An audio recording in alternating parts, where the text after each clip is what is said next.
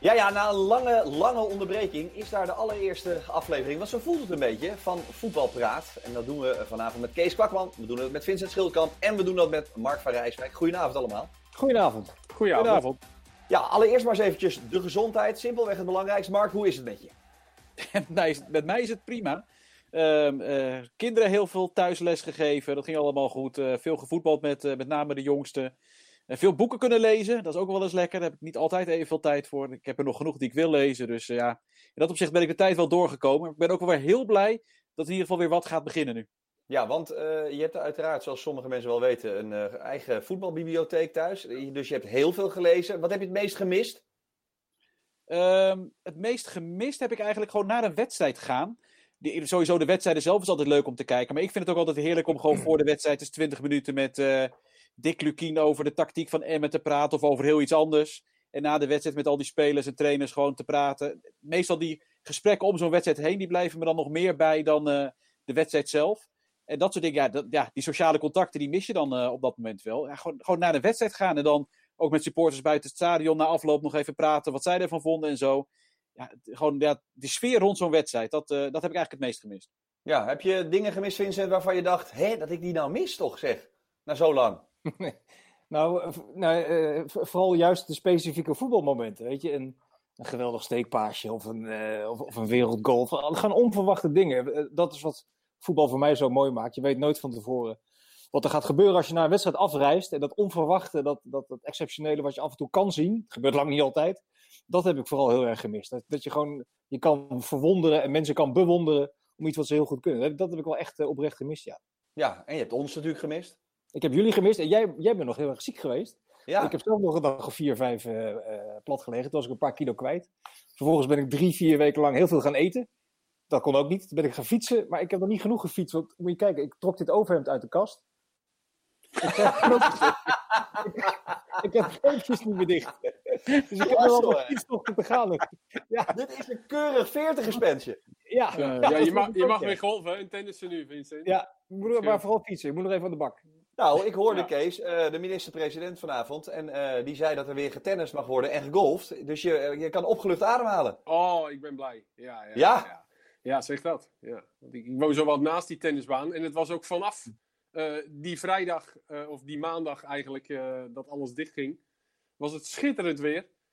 Ja, dus ehm, ja, dat, dat gaat nog even zo door, het weer. En dan kunnen we eindelijk heerlijk op grote afstand weer lekker tennissen buiten. Ja. Is dat in zo'n dorp als Volendam nog extra interessanter of moeilijker, zo'n zo'n lockdown? Waar, jullie zien elkaar natuurlijk eigenlijk altijd. En nu was ook nog een keer iedereen thuis de hele tijd. Nee, ik moet zeggen dat in dat opzicht is het wel, uh, was de discipline hier wel goed hoor. En ook wel zelfcontrole. Dus als het eventjes niet, uh, als ik voor mezelf spreek ook, als ik jongeren zag, dan zei ik er wat van. Maar ook andere mensen. In het dorp gaat het ook heel snel uh, via de shit. Nou, die kinderen daar en dat groepje daar. Via de dus, shit, wat is dat? De shit. Nee, maar hey, wat is dit trouwens voor insinuerende vraag? Of wij hier in Den Haag allemaal harteloze asocialen zijn? nou ja, uiteindelijk komt het daarom neer. Is dat nou? Goed. Ja. maar wat is de shit, Kees? De, shit. Groeps shit. Oh, dat is een soort tamboerijn en dan loopt iemand met zo'n luidspreker door het dorp, of wat is dat? Jongens, kom op, hi. Ik ben met Kees in Engeland geweest. Kees in Engels is niet zo best. En die ging op Schiphol al geld wisselen, omdat hij dacht dat hij in Engeland geen, uh, geen, geen ponden eruit kon halen. Deze Engels is niet zo best. Ik heb een jaar in Een beetje in perspectief plaatsen allemaal. Kees, leuk je weer te zien trouwens, na zeven weken. Ja, jongens, inderdaad. Lang geleden. Kees, we zijn blij dat je er weer bent. Mark, ik uh, begreep uit de woorden van de minister-president, uh, het is niet echt uh, concreet ter sprake gekomen. Maar volgens mij gaan we gewoon de eredivisie laten starten op 1 september, of niet? Ja, het mag. De, evenementen, dat staat nog niet nadrukkelijk gemeld wanneer die weer mogen. Daar staat echt nog een vraagteken bij. Maar er staat er wel nadrukkelijk bij 1 september gemeld dat er weer gevoetbald mag worden. Met ook nadrukkelijk gemeld het betaald voetbal. Dat zal zonder publiek zijn. Uh, dus, want een evenement uh, is wel voetbal met publiek. Dus we gaan er eigenlijk met z'n allen vanuit dat sowieso de eerste seizoenshelft volgend seizoen dan nog zonder publiek zou zijn. Misschien nog wel langer. Maar in ieder geval gaat er weer gevoetbald worden in de Eredivisie. Als alles gaat zoals het nu gepland is.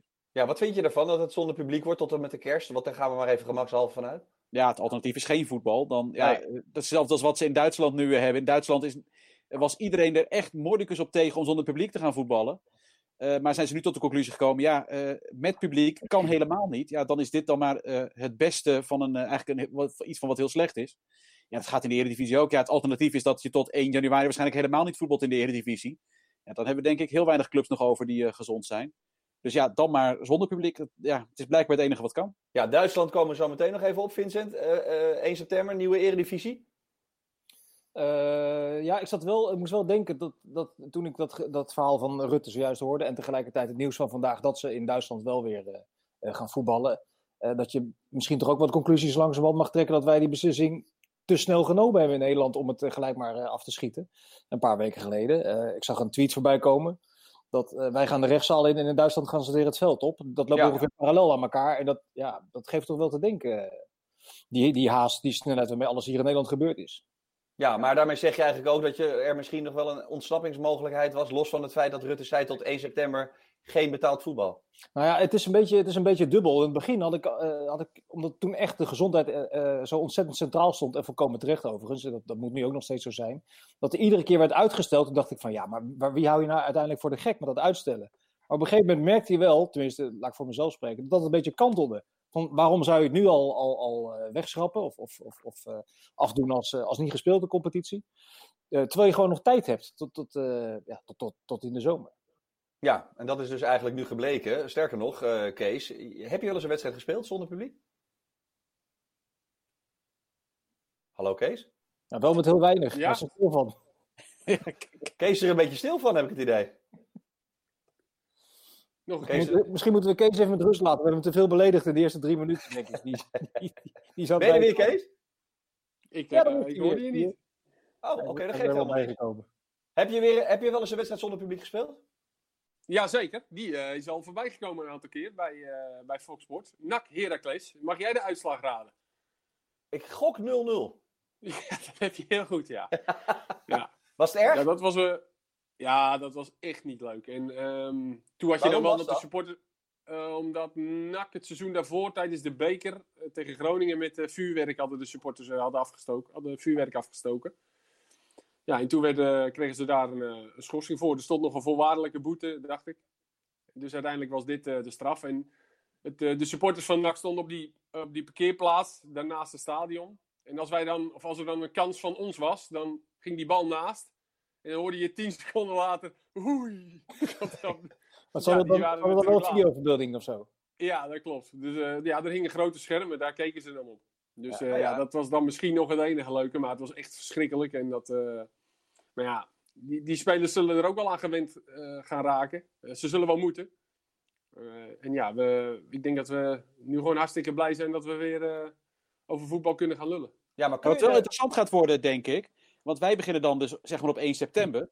Misschien uh, eh, 11 september of wat dan ook, maar ergens in die periode. Dan zijn natuurlijk, sommige competities zijn pas misschien ergens in augustus afgerond. Ja, als wij, dan zijn wij al volop in de competitie. Als wij tegen, misschien Europees moeten voetballen tegen uh, clubs die uh, überhaupt niet in de competitie bezig zijn.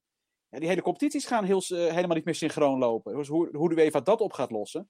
Want wij kunnen wel op 1 september beginnen. Maar ja, als Spanje daadwerkelijk dit seizoen de competitie nog af wil ronden dan zijn, dan zijn die niet op 1 eh, juli klaar, zal ik maar zeggen. Dus dat, dus dat gaat ook nog weer een, eh, een probleem worden. Dat is bijvoorbeeld waar ze nu in Frankrijk heel erg boos over zijn. Paris Saint-Germain die zegt, ja, leuk dat de competitie al volledig is afgerond bij ons. Maar de Champions League is dat nog niet. Straks moet Paris Saint-Germain uh, halve finale Champions League gaan spelen. Terwijl zij geen competitie meer hebben tegen clubs, bijvoorbeeld tegen Bayern München, die wel nog in de competitie zit. Ja, dus Daar is, in Frankrijk zijn ze echt, uh, een aantal clubs in ieder geval, is echt woedend over het, dat daar de competitie ook al volledig is afgerond. Terwijl uh, dat in Europa helemaal nog niet zo breed besloten is. Nee, maar moet er in deze tijd sowieso wat minder woede zijn en wat ietsje meer begrip en dan denken van, ik weet wel dat het over heel veel poen gaat, uh, maar Duitsland, want daar komen we dan automatisch nu terecht, dat gaan wij uitzenden. Ik denk vanaf volgende week vrijdag, daar is nog geen klap op gegeven. Volgens mij gaan de clubs morgen overleggen.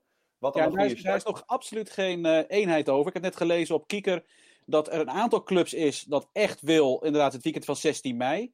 Uh, Wolfsburg bijvoorbeeld en Dortmund, die hebben dat al openlijk aangegeven. Maar Bremen heeft aangegeven dat absoluut niet te willen. Die hebben een paar hele goede argumenten ook. Sowieso mogen ze in Bremen nog geen groepstraining doen op dit moment. die mogen nog niet met z'n allen trainen. Ja, die zit nu anderhalve week voordat die competitie dan zou beginnen. En je mag niet eens als elftal samen trainen. Dat lijkt me heel gek. Hey, voor de duidelijkheid, dat is omdat ze in Duitsland deelstaten hebben, hè, die andere regels hebben. Daar hebben ze andere regels, dus daar verschilt het per deelstaat wat mag en wat niet mag. Er zijn zelfs deelstaten waar gewoon al amateurvoetbalwedstrijden weer worden gespeeld. En in Bremen mag je nog niet eens met z'n allen samen trainen. Maar Bremen zegt ook, en dat is uh, het argument dat ik ook het meest begrijp. We hebben twee maanden niet gevoetbald. Dan kan je toch niet binnen een week wedstrijden gaan spelen uh, weet je hoe groot de kans op blessures dan is? Als je niet serieus daadwerkelijk mensen twee weken de tijd geeft om met z'n allen te trainen en onder wat meer weerstand te gaan ja, trainen. Precies om die reden kan het bijna niet dat het volgende week al uh, gaat. Want dan, als, dan krijg je een rit spierblessures. Dat, dat, ja, dat weet Kees. Als je niet, niet helemaal 100% fit aan iets gaat beginnen en je gaat gelijk in de allerhoogste intensiteit wedstrijden spelen, dan, dan ga je heel veel spierblessures krijgen. Dus. Ja, maar laten we dan even hardop denken. waar hebben we het dan over? Hamstrings, kuiten. Nee, dat snap ik. Nee, maar ik bedoel meer termijn. Wanneer het dan wel zou kunnen starten? De 23e. Ja, die week daarna. Dat gaat er waarschijnlijk. Ja, maar eigenlijk is het dan een week eh, later nog te vroeg. Want eh, precies wat Vincent zegt en, en Mark, als je niet eens de groepstraining kan ervatten, laat staan dat je dan een keer 11 tegen 11 kan spelen. Want daar zullen ze dan toch mee moeten beginnen. Om een beetje kant, je wedstrijdritme na te bootsen. Een level playing field. Hè? Dat geldt eigenlijk voor alle clubs. Geldt dat wel in meer of mindere mate. Dat ze nog uh, niet heel intensief hebben kunnen trainen, alleen maar in kleine groepjes. Dus als je tegelijkertijd begint met een achterstand, geldt dat eigenlijk voor, voor, voor alle clubs. Dus ja, dat, maakt, dat maakt uiteindelijk voor, het, voor, het, voor het onderlinge verschil niet zo heel veel uit, denk ik. Nee, maar qua blessures, wat jij zegt, maakt dat natuurlijk wel uit. Ja. Want dat, ja. ja. of je moet, dat las ik ook, ik geloof dat ze dat in Engeland misschien wilden gaan doen, dat ze de wedstrijd gaan inkorten. Dat was een uh, optie, of tenminste in een van de landen. Je leest nu zoveel natuurlijk. Dus, nee, maar Freddy, Freddy Bobic heeft al aangegeven in Duitsland dat hij echt geen idee heeft hoe die competitie nu gaat verlopen. Die zegt, ja, er kunnen 5-5 uitslagen uh, voorbij gaan komen. Juist, ja, je hebt twee maanden stilgelegen. Uh, er waren bepaalde clubs niet in vorm. Ja, dat is helemaal overboord. Bayern was natuurlijk in bloedvorm. Die wonnen alles. Die gingen wel opeens weer heel makkelijk op de titel af. Verwacht ik nog steeds niet dat die alles met 6 nog gaan verliezen. Maar het is, het is wel, Bobic zei echt, het is eigenlijk alsof gewoon een compleet nieuw seizoen begint. Natuurlijk zijn de spelers wel hetzelfde. Maar je kan bijna geen inschatting meer maken, bijvoorbeeld in de middenmoot, welke club nou goed gaat draaien en welke niet. Want ja, ja iedereen heeft twee maanden stilgelegen. Voor de clubs onderin kan het zelfs een voordeel zijn. Ik bedoel, dat Werder Bremen, dat staat ook stijf van de spanning. Die staan volgens mij uh, 7 8 op een, uh, op een veilige plek van, van Davy Klaassen. Ja, als jij die druk voelt van die 45.000 mensen in het Wezenstadion, dat je erin moet blijven en die 45.000 zijn er niet. Natuurlijk voel je wel de druk dat je erin moet blijven, maar het is anders als er al uh, na 20 minuten de eerste fluitconcert in het stadion, als je, als je niet lekker draait. Dat lijkt me toch, dat, dat, lijkt me onmiddellijk een voordeel.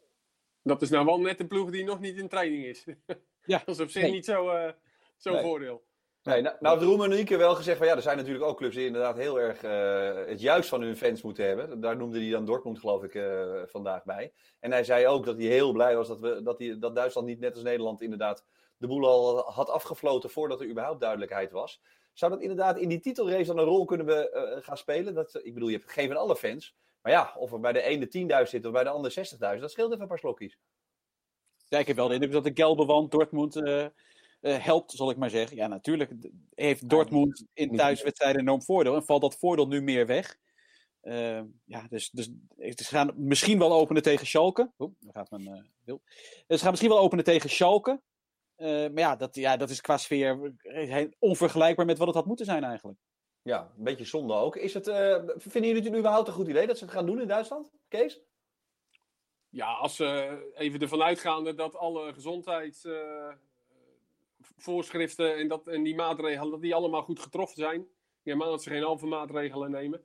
Ja, dan ben ik er hartstikke blij mee dat er weer uh, gevoetbald gaat worden. Maar ja, je hebt natuurlijk wel je vraagtekens met. Um, en daar, gisteren hadden wij ook al eventjes contact. En toen kwam Vincent en Mark al met ja, met het dingetje van, ja, wat gebeurt er nou als er uh, een uur voor de wedstrijd iemand besmet uh, of ziek wordt? Ja, ja, Of, of, of, na drie speelrondes dat ineens uh, ja. de, de, rechterflank van Borussia Dortmund coronavirus heeft. Ja, dat zou toch kunnen? Ja. Ja. ja, en dan? Ga je dan de competitie stilleggen? Want haal je die drie spelers eruit en zeg je, je moet door, want we moeten het afmaken. Dus ja, het heeft wel wat haken en ogen, zeg maar. Iedereen is natuurlijk dolgelukkig mee. Het is een grote competitie. Daar gaan we ontzettend veel plezier aan beleven. En, en in een andere dynamiek, want je gaat de coaching misschien wel horen. Ik denk dat ze wel, met wat audiovisuele foefjes gaan komen, de collega's van de Duitse televisie. Dus het wordt heel interessant om te volgen. Alleen, er zitten wel behoorlijk wat haken en ogen aan. Ja. Het zijn allemaal jonge mensen. Probeer die maar eens negen weken lang gecontroleerd te laten leven zonder al te veel externe. Nou, dat, is, dat is het ook met name. Hè, wat, wat ik vanmiddag ook hoorde op de, op de Duitse tv. Dat ze. De spelers zijn eigenlijk het allerbelangrijkst. Want uh, daar wordt tegen gezegd. Nou, de spelers moeten zich gedragen. Die moeten zich um, aan alle regels gaan houden. Ook in een privé-situatie. Ja. ja. en daardoor was dat filmpje van, uh, van Kalou bij Hertha BSC. Ja. En die is 34. Ja, daardoor, dat is echt keihard aangekomen bij, uh, bij die clubs. En, uh, Even uitleggen voor de mensen die dat niet weten. Kanu is 34, die uh, lijkt 12 in zoverre dat hij een filmpje online bracht waarin hij volkomen maling had aan alle coronaregels. Ja, en is vervolgens binnen... geschorst door zijn club. Ja, hij kwam binnen bij Hertha en gaf handen en hij was live op Instagram. Dus ja, en, en, ja, dat heeft echt voor problemen gezorgd en heeft deze hele regeling op het randje gebracht van wel of niet doorgaan. Want ja, dan krijg je natuurlijk gelijk het verhaal, ja, maar als spelers zo uh, op deze manier ermee omgaan, dan wordt het niks. En Hetta heeft nu volgens mij ook extra uh, boete gekregen in de zin van dat er, um, ze krijgen onverwachte, onverwacht bezoek gaan ze krijgen. Dus ja, meer clubs volgens mij, kan bij iedere club gaan gebeuren nu. Ja, Eigenlijk door Kalou kunnen clubs nu inderdaad onverwachte controle gaan krijgen om, de, ja, om dit soort dingen te gaan voorkomen. Ja, dus dat is wel een uh, dingetje. Maar goed, dat is tot nu toe dan is het als een eenmalig incident uh, gezien. Ja, maar ik, ik, wil vooropgesteld, ik ben geen viroloog. Er zijn er wel heel veel van in Nederland, heb ik, heb ik meegekregen de afgelopen maanden. Maar de kans dat dit uh, zonder kleerscheuren helemaal goed gaat, gedurende acht, negen weken lang met uh, eh, 1700 jonge mensen die aan een contactsport doen, die kans lijkt me niet zo heel erg groot. Ik hoop het wel van ganse harte, dat we er ontzettend veel plezier aan gaan beleven, maar het lijkt me wel een heel lastig verhaal worden. Het aparte is dat ze in Duitsland. Erin En nou, ze hebben ook gewoon praktische problemen. waarvan nog helemaal niet bekend is hoe ze dat op gaan lossen. En dat klinkt heel surf, want we hebben het vaak genoeg over de VAR. Uh, en dan is het dan niet zo positief. Maar er is daar uiteraard ook een VAR. We hebben volgens mij met z'n allen daar een keer in zo'n hokje gezeten. Ja, je moet daar wel met z'n vieren naast elkaar zitten. Je kan niet op anderhalve meter met vier mensen daar gaan zitten varren. Dus hoe willen ze dat gaan doen? Ja, tuurlijk wel. Dat kan wel, Mark. Kan toch makkelijk? We wat harder eh, praten tegen elkaar. Ja, nee, maar, maar daar is die ruimte niet op ingericht. En dan schaffen we de laatste ja, nee, maar, maar, dat, maar de, scheidsrechters, de scheidsrechters zijn sowieso vrij pissig, want die zijn eigenlijk nergens in gekend. Er is nog geen één scheidsrechter in de Duitsland van de Bundesliga of de Tweede Bundesliga getest op het coronavirus. Ze hebben eigenlijk iedereen getest, behalve de scheidsrechters. En die scheidsrechters hebben nu zoiets van, ja hallo, uh, tellen wij ook nog mee of gaat het echt alleen maar over de voetballers? En de, en de scheidsrechters hebben een beetje het gevoel dat dat bijna helemaal vergeten is. Hoe ze dat aan moeten gaan pakken. Hoe de scheidsrechters moeten worden behandeld. Maar ook bijvoorbeeld hoe dat VAR-probleem wordt opgelost. Maar Mark, de eerste stelregel van een goede scheidsrechter is toch dat hij altijd uit de buurt van spelers en de bal blijft. Dus kan je gelijk verschil zien tussen een goede en een Wordt niet meer geprotesteerd waarschijnlijk door de spelers. dat blijven allemaal bij bij de buurt. Ja, en, die, en dat plexiglasman tussen die schermpjes, volgens mij is dat ook geen groot probleem. We krijgen uiteraard ook via Insta meteen weer een kijkersvragen. Aangezien we weer van start gaan, jongens. Wie denken jullie dat de titel grijpt en wie degradeert er? We hebben het al een beetje behandeld, Kees. Um, nou, Paderborn die kan het wel eens lastig krijgen met uh, maar 16 punten. nou, het is natuurlijk wel Bremen. We hadden het er net al over, over Werder Bremen. Staan inderdaad vier punten achter op, uh, op Düsseldorf voor zo'n promotie-degradatieplek. Ja, dat is echt wel een, uh, een dingetje. En Bremen heb ik vorig jaar met name een aantal keer zien spelen. Vond ik ze echt heel leuk spelen.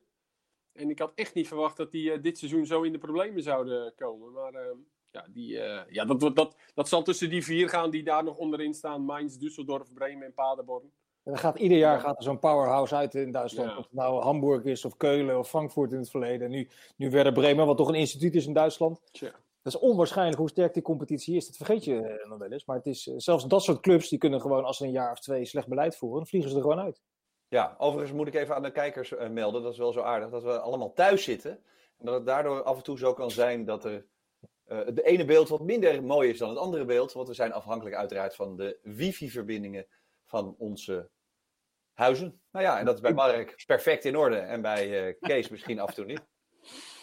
Nee, hele dorp heb ik plat gelegd. Dus we hebben in Oldermarkt een bordje opgehangen. Dat heel Oldermarkt mag vanavond... Uh, niemand mag ergens op internet zitten. Want ja, deze uitzending moet mede mogelijk worden gemaakt. Dus heel dorp... Ah. Ja, ik weet niet wat ze aan het doen zijn eigenlijk nu is wel tof hoor, dat er gewoon zelfs een uitzending met 1G door kan gaan. Goed hè. Wie wordt de kampioen? Dortmund? Ja wie, ja, wie wordt de kampioen? Ja, ik hoop Dortmund, maar ja. Ik, ho ik hoop Leipzig, dat zou ik eigenlijk wel heel leuk vinden, maar ik denk Bayern. Ja? Ja. ja. Waarom? Ja, omdat bij, nou, wat ik zei, kijk, er valt weinig meer te zeggen over wat er al is gespeeld. Maar de Fliek had het gewoon natuurlijk heel goed voor elkaar. En bij Dortmund en uh, Leipzig en alles wat onder ook Leverkusen. Leverkusen heeft natuurlijk ook nog steeds kant met Bos. Daar valt wel van alles nog steeds op aan te merken op uh, waarom dat mis kan gaan. En bij Bayern uh, leek er een probleem te zijn. Namelijk Lewandowski viel geblesseerd weg. Ja, dan kwam je in de categorie Zirkzee. En niks ten nadele van Zirkzee. Een heel groot talent, maar dat is wel echt een mindere spits dan Lewandowski. Maar ja, dat probleem heeft zich opgelost. Omdat precies in de periode dat Lewandowski geblesseerd was, er niet gevoetbald mocht worden. Uh, dus ja, ja, dan is er eigenlijk helemaal geen zwakke plek meer te vinden bij Bayern. Ja, ik, ik zie niet in dat die, uh, die, staan al, die hebben al een marge, dat die die marge uit handen gaan geven. Nee, ik ben bang dat je gelijk hebt, maar ik hoop toch echt wel heel erg op Borussia Dortmund of, of uh, Leipzig mag voor mij ook. Die spelen echt ontzettend leuk voetballen. Ja. Dus, en ik heb me weer ontzettend zitten ergeren aan die, aan die verscholen arrogantie van die Roemenieken. Dat, hoe ze er toch weer in slagen altijd. Dat is, toch, dat is de, de Duitse voetbal is buitengewoon sympathiek geworden de laatste jaren. Uh, veel goede voetballers. Leuk, leuk om naar te kijken. Maar zo af en toe komt er toch nog eens eentje op de hoek waar je weer als ouderwets een hekel aan kan hebben. En die Roemeniek doet wel heel erg zijn best. Vooral dat, dat, wat ik net zei, dat verscholen, die verscholen arrogantie over weer zo'n steekje onder water naar Dortmund, naar heel Nederland over die competitie. Kan, gewoon heel, kan ik heel slecht hebben. Ja, dus maar het is DNA, hè? Wat? DNA, toch? Wat, DNA van Roemenieken? Ja, en van Bayern gewoon. Dat, is, dat zijn gewoon oplichters, patsers. En, ja, je hebt toch ook geweldig voetbal gespeeld de laatste jaren, Bayern. Je Zeker. Niet, ja, daar, daar kan ik ook heel erg van genieten. Maar het is inderdaad wel een beetje een patje PS-club. Altijd geweest. Ja, onder, onder Guardiola was dat wel echt weg. Daarom hebben ze hem natuurlijk ook mede gehaald. Het was het imago, zowel op voetbalgebied, maar ook daarbuiten, gewoon beter maken. Nou, dat is toen echt wel gelukt. Het hele Duitse voetbal heeft inderdaad in dat opzicht natuurlijk een, een, terecht een heel mooi imago. Want ja, er wordt heel leuk gevoetbald. En uh, uh, over het algemeen met hele uh, goede en sympathieke voetballers. En inderdaad, precies wat Vincent zegt. Net op het moment dat je enige sympathie begint te krijgen voor Bayern. Ja, maar dan weer voor elkaar om, nou, om dat helemaal weg te gooien. Even een compliment aan mijn collega's van Studio Sport. Die hebben dat EK 88 toch gedaan, een maand geleden. Was iets minder sympathieke ploeg. Jezus, wat een, een stel etters waren dat bij elkaar. Zeg. En ja. Niel en Matthäus en verschrikkelijk. Nou, dan waren wij ook niet zo lekker hoor, zag ik in die wedstrijd. Dat, moet, dat moest ook, maar... Dat is waar. Ah, een rocheltje hier en daar moet kunnen. Zo dadelijk zijn we ja, terug met deel 2 van Voetbalpraat. Met onder andere de Eredivisie. Tot zo.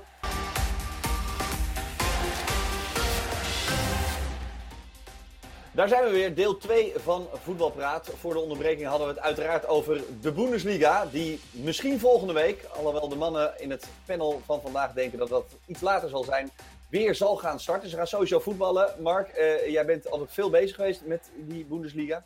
Uh, wat heb je als laatste nieuws?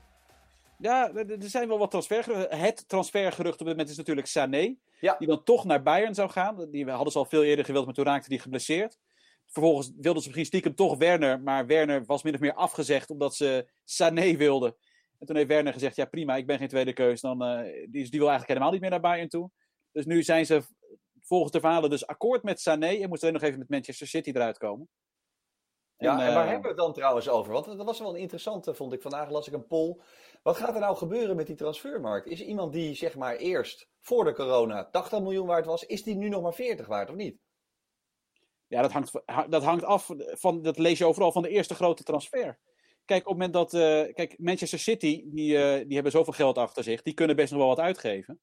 Ja, de eerste grote transfer gaat gewoon heel veel duidelijk maken. En, daardoor, en daarna komen pas inderdaad, bijvoorbeeld hè, Onana bij Ajax, daar wordt natuurlijk heel veel over gesproken. Maar wat hij waard is, ja, dat hangt ook af van een andere grote transfer, waar bijvoorbeeld van ja, volgens mij ook een nemen maar 40 miljoen opbrengt, dan gaat Onana dat niet meer opbrengen. Sorry, de top van de piramide gaat het inderdaad bepalen. Ja. Manchester City gaat het bepalen samen met uh, Real Madrid en Bayern München. Die bepalen de eerste prijs, dan moet een andere club akkoord gaan. En alles wat eronder zit is een soort domino-effect. Dat, dat hangt daar allemaal mee samen. Het is wel interessant overigens. Stel nou dat Barcelona uh, dadelijk 135 miljoen euro neerlegt om Neymar terug te halen. Terwijl ze nu steun hebben aangevraagd bij de Spaanse overheid. Je hebt natuurlijk ook nog een moreel aspect in, uh, in hoeverre je dat, dat, dat kan maken.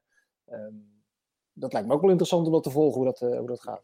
Ja, Barcelona. Nee, heb je natuurlijk nog zijn blessure, hè, die misschien nog meespeelt in de transfersom. Mm -hmm. Dus dat zal misschien nog. Maar wat vind je, dat, dat las ik ook al. Hè? Ze willen die, la, die Martinez van Inter willen zalen, geloof ik. Hè? Die ja, die spits. Ja, ja de, de, toen kwam dat al te sprake van ja, hou even. En dan wel ja, even eigenlijk zo, helemaal niet. Nee, eigenlijk niet. Nee. Maar ja, ze zullen het toch ook wel weer. Om, ja, om ook, dat geld gaat ook weer in Nederland belanden. Dus het is eigenlijk voor iedereen wel weer goed als die markt op gang gaat komen natuurlijk. Ja, ja maar het is natuurlijk ook als speler heel gek dat je 70% van je salaris inlevert. En dat ze van het geld dat je hebt ingeleverd voor jouw gevoel je vervanger halen.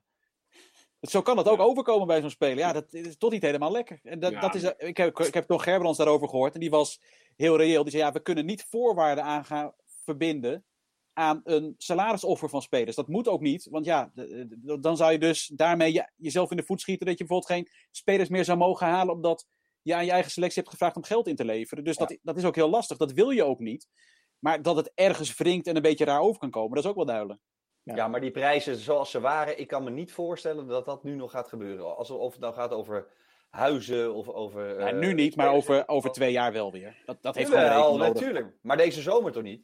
Ja, ik denk dat iedereen heel terughoudend zal zijn met transfermarkt. Maar goed, aan de andere kant ga je ook clubs krijgen die het gewoon, gewoon nodig hebben. Het geld om een speler te verkopen. En dat hadden ze al om de begroting rond te krijgen. Dat geldt voor een aantal clubs. Dat geldt nu helemaal natuurlijk omdat ze inkomsten gaan missen. Dus als je dan nog kapitaal op het veld hebt staan, ja, dan heb je in ieder geval iets. Neem nou de club bij mij uit de stad, ADO, die hebben allebei niet. Die hebben en nauwelijks kapitaal eh, op het veld. En chronisch een tekort in de begroting. Ja, dan heb je wel echt een, een, een probleem wat, wat uh, uh, misschien wel twee keer zo hard aankomt. Wat hebben ze met al die Engelsen gedaan eigenlijk? Zijn die al vertrokken of niet? Die, die, de, laatste, de laatste Eurostar richting Engeland hebben die, uh, opgezet. Is serieus? Zijn die er nog? Nee, die zijn er niet meer, nee. Nee? Nee. Nee, er waren allemaal huurlingen, toch? Of allemaal, ja, of transfervrij een half jaar? Ja, competitie is afgelopen, huurlingen, dus dat is klaar, ja. Ja, net als Pardew trouwens. Dat zag ook niemand aankomen. Die zat al, uh, al zeven weken daar in Engeland. Die was er helemaal klaar mee. Ja. Nou, dat, op zich, nou, hij heeft zich altijd wel redelijk correct nog, in ieder geval uh, correct uitgelaten hier in de regionale media. En hij had formeel misschien wel recht op een bonus. Dat was nog hier een uh, vraag, omdat ADO er natuurlijk in was gebleven. nou, daar, hing een bonus aan. Dat, dat werd in Engeland ook groot opgepakt door een, door een aantal kranten. Toen heeft hij gezegd van ja, A is het onzin en B als het al zo zou zijn, dan geef ik het aan een goed doel. Dus dat heeft hij wel, wel goed opgelost, denk ik. Ja, dat lijkt me slim maar ook. Want die, heeft... ja, die was natuurlijk niet helemaal gek, maar die heeft volgens mij financieel niet, niet zoveel te mopperen. Want die tekende ooit een achtjarig contract bij Newcastle. Newcastle, ja. Dat moest worden afgekocht door een knettergekke voorzitter. Dus die heeft, die heeft genoeg. Prima, en terecht. Kees, ik ben gebiologeerd trouwens door de kamer waar je in zit. Wat is dat? Wat hangt er achter je? Dit is de kamer van mijn zoon. Oh. Nou ja, dat zie je toch wel wie daarachter hangt, hè? Ja, ik moet even goed kijken, want het is uh, jouw, die Volendamse wifi. Nummer 10. ja, met, ja. met de twee vingertjes in de lucht. Dan weet je, ja, weet je wel. Zijn, denk ik. Denk je niet? Ja? Nee, is er nou dat terrassie? Nee. nou ja, terecht ook. Terecht. Zeker, ja. ja. Uh, de Eredivisie, jongens, is uh, uiteraard uh, tot een einde gekomen. Tenminste, is dat echt zo? Dat vind ik eigenlijk wel een interessant vraagstuk, Vincent. Nu de Duitsers weer gaan voetballen. Uh, de Graafschap en Utrecht uh, de kort gedingen hebben aangespannen, waarvan er vrijdag al een aantal niet. Nee, de, vraag gaat natuurlijk als de rechter uh, besluit dat het besluitvormingsproces niet goed is geweest. Dat is het enige volgens mij waarop de rechter kan ingrijpen. Niet zozeer op de uitkomst, maar meer op het besluitvormingsproces. Als hij daarvan zegt dat is niet goed geweest, dan moet je terug naar de tekentafel. En dan gaat ongetwijfeld de vraag op tafel komen. Ja, wacht eens even. Er zijn een aantal competities die toch doorgaan met voetballen moeten wij, want dan ligt, er, dan ligt er nog geen besluit over het einde van de competitie, moeten wij dan misschien toch ook nog gaan doorvoetballen eh, zonder publiek? Die vraag gaat, gaat ongetwijfeld op tafel komen. En wat het antwoord daarvan uh, zal zijn, weet ik niet. Want dat, je moet natuurlijk eerst afwachten wat de rechter komende vrijdag zegt. Dus, ik dacht vrijdag, toch? Ja. ja. Nederland mag het natuurlijk toch ook om niet op dit moment. Kijk, dat is het, voor, ja, het voordeel of het nadeel. Kijk, in Nederland, in Duitsland heeft de overheid, Merkel, die heeft gewoon gezegd: prima jongens, gaan we weer voetballen half mei. Dat vinden we best ja, dat, maar dat, Mark Rutte heeft een hoop gezegd, maar dat gaat natuurlijk niet gebeuren. Ja, uh, van 100 personen mag vanaf 1 juni. Juni of juli? juli. Ja, maar... 30 personen is 1 juni en ja. 100 is juli met een L. 1 juli. Ja. ja. ja, je bent wel weer een tijdje verder natuurlijk. En misschien opperde jij dat niet, Mark, dat je beslissingswedstrijden kan gaan laten spelen misschien? Nou ja, ik vind vooral mijn grootste probleem in dit hele proces zit in die bekerfinale. Kijk, want je kan uh, de hele competitie, dan kom je, loop je altijd echt wel weer tegen problemen aan. Maar ik vind het gewoon volstrekt onbegrijpelijk dat je één wedstrijd ergens in de komende vier maanden niet zou kunnen organiseren. Dat je met alle burgemeesters en alle problemen en met reizen, dat je er dan, vind ik al heel voorbarig hebt besloten om het uh, helemaal af te gelasten en niet meer te doen. Maar goed, daar kan je ergens nog inkomen. Dat je nu al hebt gezegd, ja jongens, die hele bekerfinale gaat niet meer gespeeld worden. Ja, dat, ben ik niet helemaal met je eens. Echt niet uit te leggen. Ik, ik, ik, vind juist dat een bekerfinale, dat is één wedstrijd. En dat is juist bedoeld met publiek. Dat is nou een wedstrijd waarvan je zegt van, nou, dat is voor allebei die clubs de hele kuip vol, al die bussen naar dat stadion. Dus dit is beter, zonder publiek. Jij, jij denkt dat, u, dat de Utrecht nee, supporters en de Utrecht fans hebben zoiets van... de finale nou, later speelt. Dus uh, ja, dan, wacht je er, dan wacht je er maar mee. Maar, ja, dat kan ook. Maar dat vind jij juist de wedstrijd hij, maar hij moet ergens een keer gespeeld worden. Of dat nou... Een, maar goed, maar ik zou wel zeggen, als je 1 september nog steeds niet zonder publiek mag spelen, met publiek mag spelen, dan doe je het alsnog 1 september, voordat het nieuwe seizoen begint. In plaats van een Johan Cruijffschaal. Die ja, dan maar je moet hem gewoon ergens spelen. Je kan, niet nu, je kan niet nu al zeggen dat die wedstrijd niet gespeeld wordt. Nee, daar ben ik het helemaal mee eens. Maar, maar ja, wij wilden allemaal duidelijkheid. Hè? Want we riepen, riepen allemaal, uh, de KVB moet nu een beslissing nemen. En wat duurt het nou lang? En de clubs ook. En de, uh, eentje van Emmen. En de trainer van Fortuna. En de voorzitter van de Graafschap. Allemaal riepen we wat. En nu hebben we geroepen, nou, we gaan niet meer voetballen. Maar je nou, kunt er ook... Kees, je nu kunt gaat ook... het allemaal weer goed. En de Duitsers gaan voetballen. En nu roepen we ja. Ja, maar je hebt ook nog wel eens, je hebt toch sprake van, van voortschrijdend inzicht. Dat is in die hele crisis zo. De hele tijd verandert het beeld Ja. hoe je tegen zaken kijkt. Nou, je kunt nu ook concluderen, daar zijn we te snel in geweest. Eh, de rechter fluit ons terug. Dat, dat, dat zou dan in dit geval een voordeel kunnen zijn. Allemaal weer naar de tekentafel. Is er toch nog een mogelijkheid om met die richtlijnen die vandaag in die persconferentie duidelijk zijn geworden, om dan toch nog tot een vorm van competitie te komen? Ja, ik hoop het. Ik hoop het het. Maar... Ja, maar als er geen vorm van competitie is, zou het ook nog kunnen zijn dat het eh, eh, gewoon herzien wordt. Eh, mijn favoriete keuze is 20 clubs in de eredivisie en een financiële compensatie voor de KKD-clubs. Wat vinden jullie? Eens. Helemaal eens, maar dat was volgens mij vanaf het begin al de enige oplossing. En dan een jaar met een versterkte degradatieregeling spelen, dat het jaar erop dus er vier clubs eh, uit zouden gaan. Utrecht en Willem II zou je nog wel een oplossing voor moeten, moeten vinden, maar dat is dan het enige vraagstuk. En dat lijkt me een wat minder eh, zwaar dossier dan die hele promotie-degradatieregeling zoals, zoals het nu eh, ontstaan is. Maar denk eens hardop dan, hoe zou je dat doen met Utrecht en Willem II? Nou ja, dan moet je in ieder geval financieel kijken naar eh, hoe je dat in balans krijgt. Want ehm, ja, als die wedstrijd niet gespeeld wordt, die, want het, is, het is ontzettend wrang voor Utrecht dat ze een beter doelsaldo hebben dan Willem II. in een niet afgemaakte speelronde in punten gelijk zouden komen en dan dus boven Willem II zouden staan. Dus daar wringt natuurlijk ontzettend de schoen. En dat is misschien ook wel juridisch het, het punt waar Utrecht zich aan vasthoudt. Dat er geen, geen eh, gelijk aantal wedstrijden gespeeld is. Ja, maar wat denk jij? Ik, ik vind dat ze een goede kans verslagen hebben. Ja, ik, ben, ik, ik ben geen jurist, mijn buurman is jurist en die zei ook dat ze een goede kans van slagen hadden. Maar ik heb ook een andere jurist gesproken en die zei nee hoor, maar dat was de jurist van de KVB. en die zei ja, de KVB heeft dat eh, prima voor elkaar. Ja, maar goed, eh, los van de bekerfinale, waarmee we zouden kunnen beginnen op 1 september, wat mij betreft, is er dus eigenlijk 20 clubs in de eredivisie. Daar maakt toch helemaal niemand uit? Lekker volle kalender, heerlijk. Nee, dat denk ik eerlijk gezegd ook. Nee. Allemaal zeven punten. De graafschap Volendam. Deze uiteraard, man. Hé, hey, wat? Je had nog Cambuur de graafschap, had je nog? Ja, Heen en weer. Dat wordt maar even periodetitel, daar wordt niet meer over gesproken. Nee, nee, maar daar heb ik nee, niet, niet over gesproken. Ook daar zou een, eh, dat zei Mark volgens mij net, er zou een uitgebreide financiële regeling voor eh, getroffen moeten worden. NAC heeft natuurlijk ook nog geld, wel geld, een altijd maar geld. Nou, dan krijg je niks. Volgens mij, Wim Jong meer. Ik heb hem vrij vaak gesproken. Volgens mij heeft hij ook wel aangegeven dat, ze nog- dat Volendam nog niet helemaal op dit moment klaar is voor de Eredivisie, toch? Op dit Ja, maar ja, dat was Emma ook niet eh, twee jaar terug. Kijk Ja, eens voor waar Pira ze ook nu niet. staan. Dat is een voetbalbolwerk, jongen. En ADO is nog steeds niet, volgens mij. Er wint niemand in Emmen. Terecht ook. Overigens zouden Cambuur en de Graafschap voor mijn gevoel ook helemaal niet meer staan in de Eredivisie, toch? Nou, zeg dat. Ja, tuurlijk. Die kan, ja, geweldig. De graafschap heeft dat al bewezen. En Cambuur ook wel eh, in de keer eh, dat ze er waren. Maar die gaan ook een, eh, een nieuw stadion eh, krijgen. Met, met ook echt veld, als het goed is. Dus een hybride veld. Dus ja, die, daar, daar staat echt wel wat te gebeuren. En dit zat natuurlijk helemaal... eh, dit was helemaal hun plaatje. Promoveren. Misschien ook nog wel een jaar te vroeg, zeiden ze misschien wel. Maar ja, Ja, die, maar waren, die, die waren zijn wel beter dan de rest. Ja. zo ontzettend keihard gestraft voor het goede beleid wat ze gevoerd hebben. Door heel, eh, heel bewust te investeren en ook in de winterstop nog eens een keer te investeren. Omdat ze natuurlijk ook wisten, ze keken naar die voorsprong. Ja, luister eens. Eh, dit mogen we echt niet laten lopen. Dit moet, dit moet goed komen. Elf punten voor.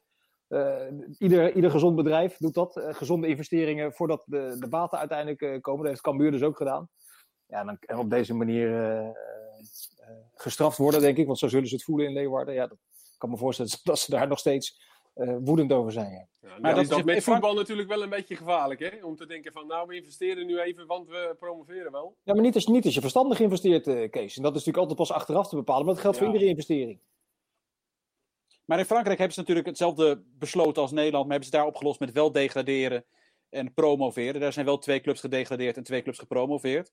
En daar heb je hetzelfde gelazen. Dat is natuurlijk, dat merk je wel. Dus wat ik net al zei, Paris Saint-Germain is boos. Want die gaan Champions League spelen misschien wel, terwijl ze niet meer in de competitie zitten. Lyon is woedend, want die, die hebben een beetje de ADO-tactiek toegepast. Die zeggen, wij hebben altijd een hele sterke eindsprint. Dus wij zouden met het programma dat we hebben, zouden we echt nog veel punten pakken. En bovendien, we hebben al twee keer tegen Paris Saint-Germain gespeeld. En onze directe concurrent maar één keer. Dus dat zijn ook argumenten. Onderin zijn ze natuurlijk boos, want die zeggen ook van ja, wij degraderen nu. Maar uh, wij zijn ook altijd heel goed in die laatste vijf wedstrijden. Dus in dat opzicht is er, je gaat nu niet met in plan komen als KNVB dat iedereen uh, tevreden stelt. Maar ze zijn nu wel met een plan gekomen dat bijna niemand tevreden stelt, behalve ADO en RKC. Ja, dat is wel heel treurig. Dat is, dat, is, dat is, in dit soort zaken moet je er altijd eh, gewoon heel, heel, heel, erg terug naar de basis gaan. Wat is nou de meest logische oplossing? Als je 100 mensen op straat aanhoudt, bij wijze van spreken, dan zeggen er 99, ja, het is zo ingewikkeld allemaal, dan maar een jaar met 20 clubs. Er is er één misschien met een alternatief plan. Dus de meest logische oplossing is één jaar met 20 clubs, versterkte degradatieregeling en daarna weer verder zoals het altijd was. Dat kan, niet, dat kan volgens mij iedereen verzinnen. En dat was de eerste oplossing, heb ik begrepen, die van tafel ging. Nou, leg mij het maar uit. Ja. Ik, ik, ik, moest die vrijdag naar ADO Fortuna. Hè. Daar had ik, ik zoveel zin in. Ja. In die wedstrijd. dat ADO dat werd helemaal opgepompt natuurlijk. En dat filmpje kwam er achteraan. Hoe je staying up. Hilarisch. ik had zoveel zin in die wedstrijd. En toen, je hebt ook een lekker jaar trouwens. Dat, ja, zo zonde. Maar ja, goed, dat, dat soort dingetjes uh, verlang je dan toch wel weer even naar. Ja, goed. En die zullen dan, als dat inderdaad... ADO is daar natuurlijk ook gewoon prima tevreden mee. De enige die daar niet tevreden mee zouden zijn, zijn de twee periodekampioenen in de eerste divisie. Sorry, Kees. Nee, nou ja, nee, ja. Maar goed, die hebben natuurlijk die, hebben die periodetitel. Maar ja, uh, voor de rest hebben ze ook... Uh, ben je nog niks mee als je die hebt. Nee, maar het is wel zonde, want ik weet zeker dat Volendam. En ik denk NAC ook, want die werden echt wel met, onder Ibala werden die sterker. Dat, dat merkte je wel. Ik denk dat allebei die clubs hadden de nummer 16 van de Eredivisie het hartstikke moeilijk kunnen maken. Daar ben ik 100% van overtuigd. Trouwens, dat zie je elk jaar dat dat zo is. Maar zeker die twee clubs. Jij zegt, dat zat echt goed in elkaar. Je snijdt nu een interessant punt aan. dit, is nou, dit heeft toch te maken met leiderschap binnen de KVB. Dit zijn twee uh, hoe je het ook bent of keert, in, in, die enorme crisis waar we in zitten, zijn dit kleine problemen. De periodetitels van Volendam en NAC Breda. Dan ga je toch daar naartoe. Ga je toch lobbyen, doe je toch een, een, een voorstel. En dat je het van, aan de voorkant tackelt en vervolgens met het masterplan komt van 20, 20 clubs. En jammer voor de periodekampioenen, maar het is even niet anders. En we gaan maar jongens, wij, hebben nu, uh, wij zitten in de tweede helft nu van voetbalpraat, dat is 22 minuten. Wij hebben het voor, we hadden het in 9 minuten met z'n vier ook bedacht hoor, denk ik. nou, we waren het in ieder geval eens na, na 9 minuten. Ja, nou, alleen, en... alleen Kees niet namens Volendam. Die had nog iets harder geprotesteerd. Daar hadden we een kwartiertje extra voor nodig gehad, was het ook goed geweest. Had ik nog wat extra geld binnengehaald. Precies. Dat hadden we je gegund. Ja, ja, overigens krijg je een, een, berichtje van de Rode EC Fans for Life. Of ik Art van Peppe ben en Kees Cesc Fabregas. Ik ben, ik ben het spoorbijster. Cesc, nou. ik, ik had wel de bankrekening van Cesc Fabregas willen hebben, maar... Uh... Ik stuur even naar Rode EC Fans for Life. En waar lijken Vincent en Marco? Maar ik krijg volgens nog geen antwoord. Oh, dat wachten we dan nog even af. Maakt er helemaal niks uit. Nigel Cook vraagt, Nigel Cook 010, drie keer raden voor wie die is. Waar denken jullie aan bij de Europa Cup 1 winst van Feyenoord? Vandaag natuurlijk, uiteraard. 1970. Mark? Oh, ja, uh, Kindval hè, over Kindval. Dat is uh, de, de man van die finale. Ja, het, is, het is uiteindelijk wel historisch geweest, omdat Ajax weliswaar uh, het jaar ervoor de finale haalde en drie jaar daarna ook de finale won. Maar Feyenoord nog altijd de eerste en de laatste die een Europese prijs won in Nederland. Ja, dan mag Ajax er meer hebben gewonnen. Ik denk dat niet... daar, daar, blijven ze trots op en terecht in, uh, in Rotterdam. Ja. Uh, ja, ja, historisch, ik was uiteraard zelf nog niet geboren, dus ik heb het niet bewust meegemaakt. Maar ik heb wel oh, de beelden gezien. Vandaag de, ik, ik heb alle, alles al over gekocht en gelezen wat er te lezen viel de afgelopen dagen. En vandaag weer, ja, het is prachtig om allemaal te lezen. Ja, maar wat valt je dan het meest op? Waarom, wat maakt het zo mooi? Ja, omdat het toch. Ja, het is wel een andere periode. Waarin ook, dat, waarin ook uh, de wat kleinere clubs, zou ik maar zeggen, wat makkelijker Europese finales konden halen. Ik bedoel, Panathinaikos stond uh, ook in de finale van de Europa Cup 1 natuurlijk. Dus uh, dat, dat is inderdaad nu niet meer mogelijk. Maar als je die ploeg gewoon bij langs gaat. Ja, het, was, het, is ook echt, het is gewoon echt een hele goede ploeg. met Van Hanegem, met Jansen, met Kind van de Spits, met achterin Israël en Lazaroms en zo ja, het, is niet een of andere toevalsploeg waarbij je denkt, hoe is het mogelijk dat die ooit Europa Cup 1 hebben gewonnen? Gewoon echt een hele goede kwaliteit, met Happel daar alsnog ja, een figuur daarboven, waarbij niemand enig vat op kreeg, maar die wel uh, heeft bewezen dat hij een toptrainer is, ook later met Club Brugge en HSV natuurlijk. dat maakt het tot een, echt een heel bijzonder verhaal. Ja, misschien was het, was de meest historische prestatie uh, van het winnen van de Europa Cup eigenlijk wel het uitschakelen van, van Milan in de achtste finale. Die had het jaar daarvoor Ajax van het veld geveegd met 4-1 in de finale. Dat was echt een grote ploeg met, met Gianni Rivera onder andere. En Feyenoord heeft, uh, dat heb ik vandaag ook uitgebreid teruggelezen in het Algemeen Dagblad, natuurlijk van Rotterdamse origine. Die hadden daar prachtige reportages over geschreven. Die hebben toen dat, dat, dat Milan echt helemaal ondersteboven gespeeld in, uh, in de Kuip. Met, met 2-0 gewonnen. En daarna, ik zag naar die, in de loting zat het volgens mij niet tegen. Want ze hadden eerst Reykjavik. Vervolgens Milan, Milan uitgeschakeld. Daarna voorwaarts Berlin. Daar heb je wat van gehoord daarna. En Legia Warschau in de halve finale. Ja. Maar dan nog het uitschakelen van Milan, dat was echt een historische prestatie. En dat stond eigenlijk al, al symbool voor, uh, voor het feit dat Feyenoord die, die, die beker kon, kon winnen. Maar het allermooiste vond ik nog, zat het ingekleurd in die reportage die ik heb gelezen, dat shirt dat Feyenoord toen droeg. Nou, dat was oh. wel ongeëvenaard mooi. Dat, ik zag heel veel shirts voorbij komen de afgelopen uh, maanden. En uh, ook het voetbalshirt festival. En dat de Feyenoord-fans niet gekozen hebben voor dat shirt van hun club. Dat shirt van 1970 met geen enkel uh, gekkigheid erop, alleen een klein embleem. En alles tegendraads rood en wit op de plekken waar het hoort. Nou, echt een fenomenaal mooi shirt. Ja, over, daarover gesproken. Want inderdaad, uh, mocht ik uh, de eer tot mij doen toekomen om jurylid te zijn. Samen met Sjoerd Mossou, uh, Frank Evenblij, Arno Kantelberg van Esquire. En de ongeëvenaarde Victoria Koblenko. Nee, wie, wie zei je? Arno Kantelberg. Arno Vermeulen bedoel je?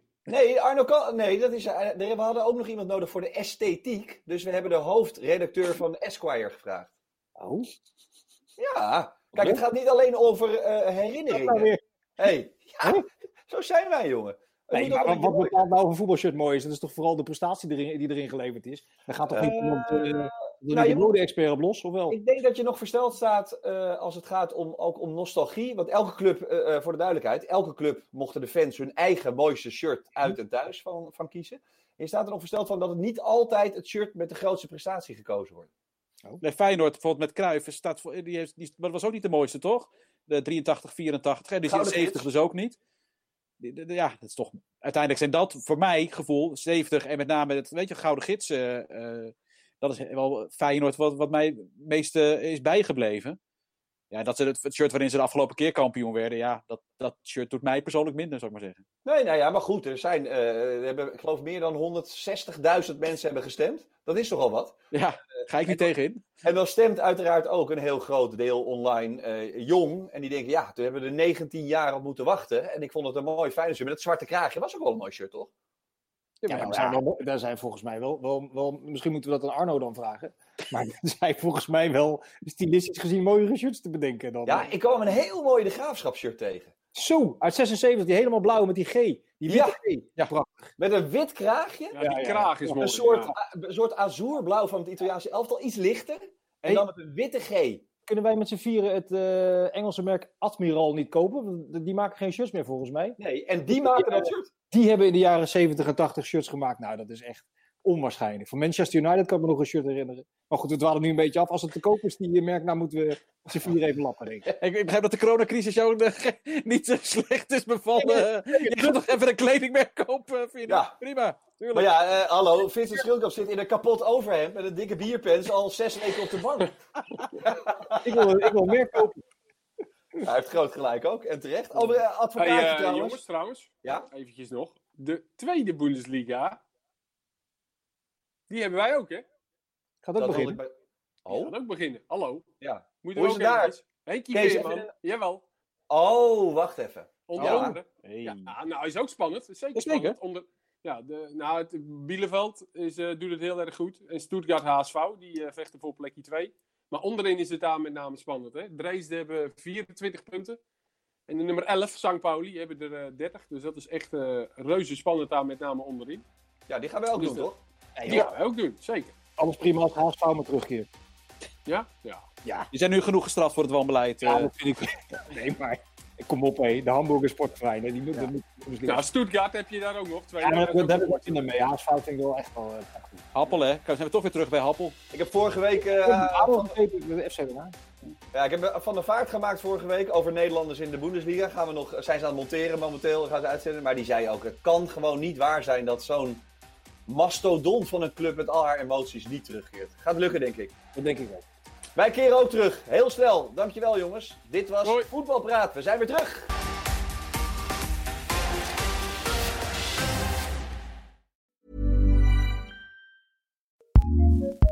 ACAST powers some of the world's best podcasts. Here's a show we recommend.